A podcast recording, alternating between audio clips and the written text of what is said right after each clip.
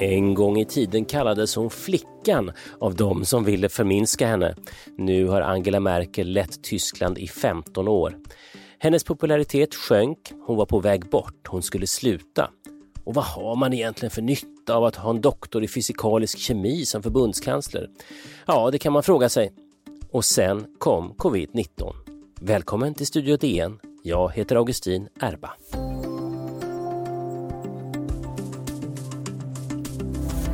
Och idag så säger vi välkommen till Lina Lund som är DNs Tysklandskorrespondent. Välkommen! Hallå, tack så mycket! Eh, vi kommer att återkomma till tecknen på en andra covid-19-våg i Tyskland lite längre fram i programmet, men låt oss börja med det grundläggande. Vem är Angela Merkel? Det är 10 000 kronors frågan skulle jag säga. Merkel är ju fysikern från Östtyskland som för 30 år sedan dök upp från ingenstans och som har gjort en fenomenal politisk karriär. Och hon är ju nu Tysklands ledare sedan 15 år och har suttit längre än någon annan demokratisk ledare i Europa just nu. Och man kan väl säga att hennes popularitet har varierat lite med årstiderna. Hon har varit lika hyllad som avskydd under det här ett och ett halvt decenniet i toppen. Och hon har kallats allt från mutti, alltså landsmoden, till välkomstkanslern och andra av kritiker som velat framhålla henne som en landsförrädare eller hycklare. Jag kan själv knappt minnas hur många gånger som Angela Merkel har, har varit uträknad under de här åren. Men om man tittar på, på eh, alltså, vad är hemligheten att sitta 15 år som ledare? Vad, vad, är, vad är teorierna i Tyskland om varför hon hela tiden lyckas vara kvar? Alltså, Tyskland har ju, ska man säga, en längre historia av att ledare sitter väldigt länge. Eh, Merkels företrädare Gerhard Schröder satt ju inte lika länge men, men kristdemokraten före, Helmut Kohl, satt ju i 16 år. Eh, och det verkar ju som att Merkel kommer att tangera det om, om hon inte best också bestämmer sig för att fortsätta en mandatperiod till. Och det som har varit en Angela Merkels styrkor, eh, men kanske också svagheter beroende lite på vem man frågar, är ju hennes förmåga att signalera stabilitet, trygghet. Hon, eh, inför valet, förra valet här 2017 så var ju hennes liksom, slogan eller nästan viktigaste budskap till väljarna att ni känner mig. Sie kennen mich. Fortsätt som vanligt. Och det har ju fungerat väldigt väl eh, under de här åren hon har suttit. Samtidigt som det kritiker då och, och också andra börjar tycka att det har gått lite på, väl mycket på tomgång på, på senare tid. Mm. Ja, det var ju en hel del diskussioner. Jag vet att du gjorde ett, ett, ett äh, längre reportage för DN Lördag äh, om, om den som alla trodde skulle bli Angela Merkels efterträdare, kronprinsessan. Vad var det som hände där? Ja, det var ju i eh, hösten 2018 som Merkel efter flera förlorade delstatsval och också en ganska hård intern kritik väldigt plötsligt meddelade att hon skulle lämna som partiledare för CDU efter då 18 år på posten. Eh, hon skulle sitta kvar som kansler men hon skulle inte längre styra det här eh, stora partiet. Och efter det så hölls ett val där man skulle välja en ny partiledare. Och alla visste ju att eh, Annegret Kramp-Karrenbauer som, som idag är Tysklands försvarsminister och också lite nedsättande brukar kallas för mini-Merkel eh, för att hon till stil och, och, och, sätt att leda påminner om kanslern. Hon var ju Merkels favorit och liksom tilltänkta kronprinsessa och, och vann också den eh, partiledarstriden. Och tanken var ju att det skulle bli hon som skulle ta över som då andra kvinna någonsin när Merkel pensionerar sig här i, efter valet som är tänkt att hållas nästa höst. Men det går ju inte alltid som man har tänkt sig inom politiken och Akaka är, som hon kallas då, Annika Kram Karrenbauer, det här krångliga namnet. Hon är inte, man ska inte säga att hon är redan i historia för hon har kvar sin försvarsministerpost, men hon är i alla fall ute i spelet, utifrån spelet att ta över efter Merkel. Så vad var, så att, men, men eh, vad var det hon, vad var det då hon som då kallades Mini-Merkel inte lyckades eh, göra som Merkel har lyckats göra? Alltså hon lyckades ju varken vinna val, det är ju kanske en politikers allra viktigaste uppgift och förutsättning för att nå förtroende och kunna fortsätta. Hon eh, ledde partiet till flera förluster i de här eh, i Tyskland väldigt viktiga delstatsvalen och också i EU-valet förra våren då, då, då CDU gjorde sitt sämsta val eh, någonsin. Eh, eh, och dels så lyckades hon aldrig ena partiet. Det här är ju ett parti som som är eh, splittrat mellan en mer konservativ falang och en falang som vill dra det mer mot mitt mitten. Eh, och AKK lyckades inte få ihop de, eh, de falangerna ordentligt och eh, gjorde också flera egna misstag där många kände att det här är en person som saknar den eh, styrkan och kraften som, som krävs för att bli kansler för, för Europas största land. Vi ska fortsätta prata om Tyskland, Angela Merkel och utbrotten av covid-19 i Tyskland alldeles strax efter pausen.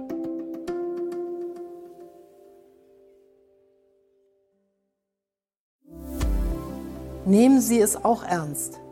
Seit der deutschen Einheit, nein, seit dem Zweiten Weltkrieg, gab es keine Herausforderung an unser Land mehr, bei der es so sehr auf unser gemeinsames, solidarisches Handeln ankommt.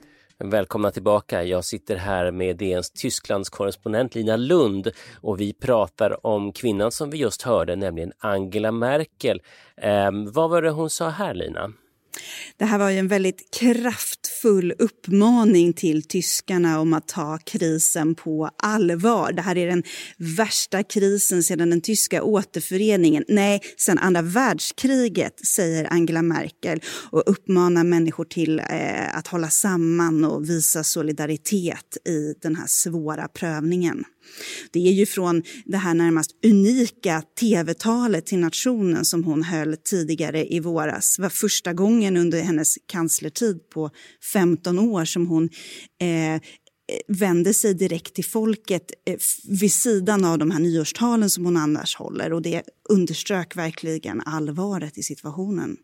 Ja, det, jag tyckte att det var fascinerande också hur eh, just hur elegant gjort det var att hon först så säger hon det här eh, värsta vi varit med om eh, sen, sen svåraste vi varit med om sen återföreningen. Nej, sen världskrigets slut. Naturligtvis är det ju så att det här är ju liksom ett skrivet tal. Det är inte så att hon rättar sig när hon läser upp det här, utan det här är liksom bara signaler om de tunga eh, sakerna som, som tyskarna gått igenom. Så jag tycker det är fascinerande att lyssna på det där, hur hon väljer att formulera sig. Men, men hur har det då gått för Tyskland eh, under den här coronakrisen?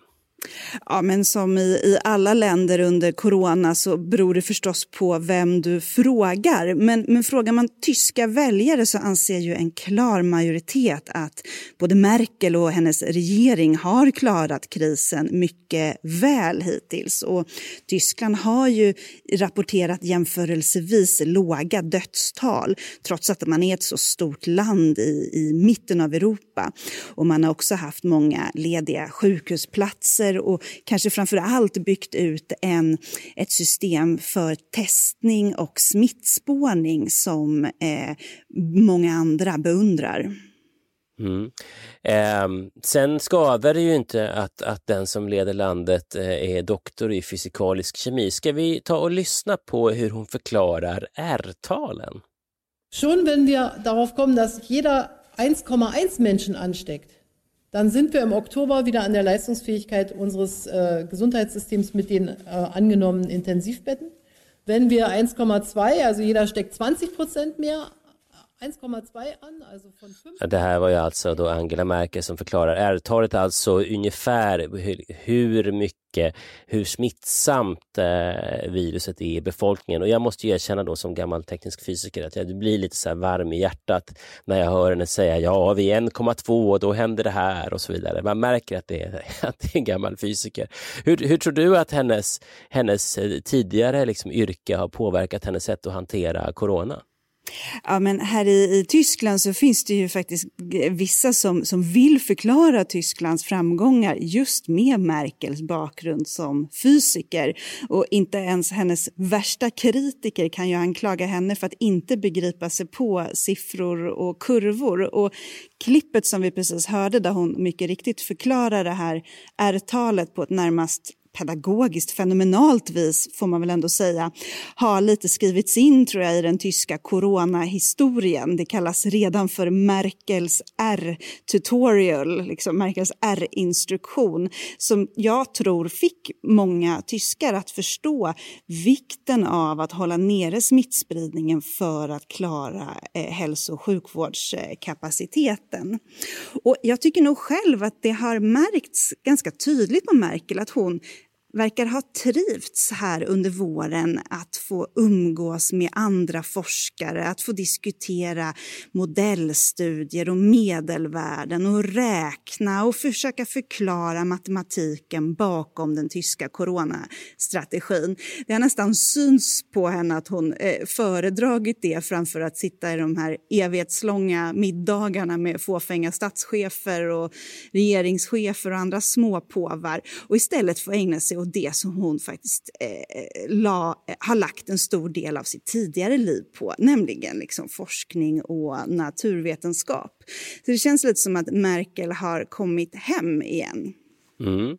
Eh, och allt har ju sett bra ut och sen så får vi nu rapporter om eh, att det händer dåliga saker i köttfabrikerna. Vad är, vad är det som händer där, Lina? Ja, den, den st stora frågan under veckan eh, som gått har ju varit ett lokalt utbrott kring ett av Europas största slakterier i, i tyska Gütersloh, en stad som ligger i västra Tyskland. Och, eh, man har under våren sett flera liknande utbrott kring just tyska eh, slakterier där många av de anställda har insjuknat i covid-19. Men inget har varit så stort som det här i, i Gütersloh. Det började med att eh, några av, de, av arbetarna, det jobbar 6 000 personer i den här eh, fabriken, eh, visade sig vara smittade och när man började undersöka det närmare så eh, tycktes det som att smittan brett ut sig på ett helt okontrollerat sätt i den här jättefabriken. Och det man gjorde då, som också eh, jag tycker är en väldigt bra illustration av hur Tyskland hanterar eh, nya lokala utbrott som man har sett på flera håll i landet bara under den senaste tiden, det är att man drar igång en masstestning. Man testade alla ur personalen inom loppet av några dagar. Och eh, när, den, när den här podden spelas in så har fler än 1500 personer i fabriken testats positivt. Eh, och det man har gjort då är att man har satt alla dem i karantän och också alla deras kontaktpersoner. Eh, och det här är inte frivilligt och det är ingenting man tar lätt på. Så den som hamnar i karantän får under i princip inga omständigheter lämna bostaden och man kallar in polis för att kontrollera att ingen försöker smita därifrån. Och sen av oro då för att det här äh, utbrottet skulle få spridning i området så, så kom besked tidigare i veckan om att nu väntar en ny regional lockdown i det här området. Och det är inte någon liten by det handlar om utan det är en region där det bor 650 000 människor. Och då har man stängt skolor och förskolor, man har bommat igen gym och museer och restauranger och nu får man bara vistas utomhus och på offentliga platser eh, med personer ur det egna hushållet, alltså inte med vänner och kompisar eller kanske ens släktingar som man inte bor med. Och det är också förbjudet att slå sig ner i parken. Och det här är då det första exemplet i Tyskland på när en hel region tvingas stänga ner på nytt på ett liknande sätt så som det såg ut då, liksom mer över hela landet före att restriktionerna lättade här tidigare före sommaren. Mm. Det, kommer, det, här, det här blir ju oerhört spännande att se nu om det här är början på en andra våg eller om det är ett tillfälligt utbrott. Tusen tack Lina Lund för att du var med och berättade om, om både Angela Merkel och covid-19 och så får vi väl se, Angela Merkel har ju sagt nej till att bli återvald tidigare och sen ångrat sig. Får vi väl se om hon kommer att ställa upp en gång till. Vad tror du, är det här sista gången för Angela? Är det färdigt nu? Ja, det tror jag. Ja, det blir det sista ordet vi hör i Studio DN idag. Ljudillustrationer, AP och Tysklands förbundsregering. Och medan tyskarna kämpar för att få bukt med uppblossande kluster av covid-19 så pågår en annan slags katastrof lite längre norrut, i Sibirien. 38 grader varmt var det där i närheten av polcirkeln häromdagen. Det är oerhört mycket varmare än vad det brukar vara och den här värmen ser ut att hålla i sig. I nästa avsnitt av Studio DN pratar vi med DNs vetenskapsredaktör Maria Gunther om uppvärmningen av vår planet. Studio DN görs av producent Sabina Marmulakai, ljudtekniker Patrik Misenberger, teknik Oliver Bergman, Bauer Media och jag, jag heter Augustin Erba.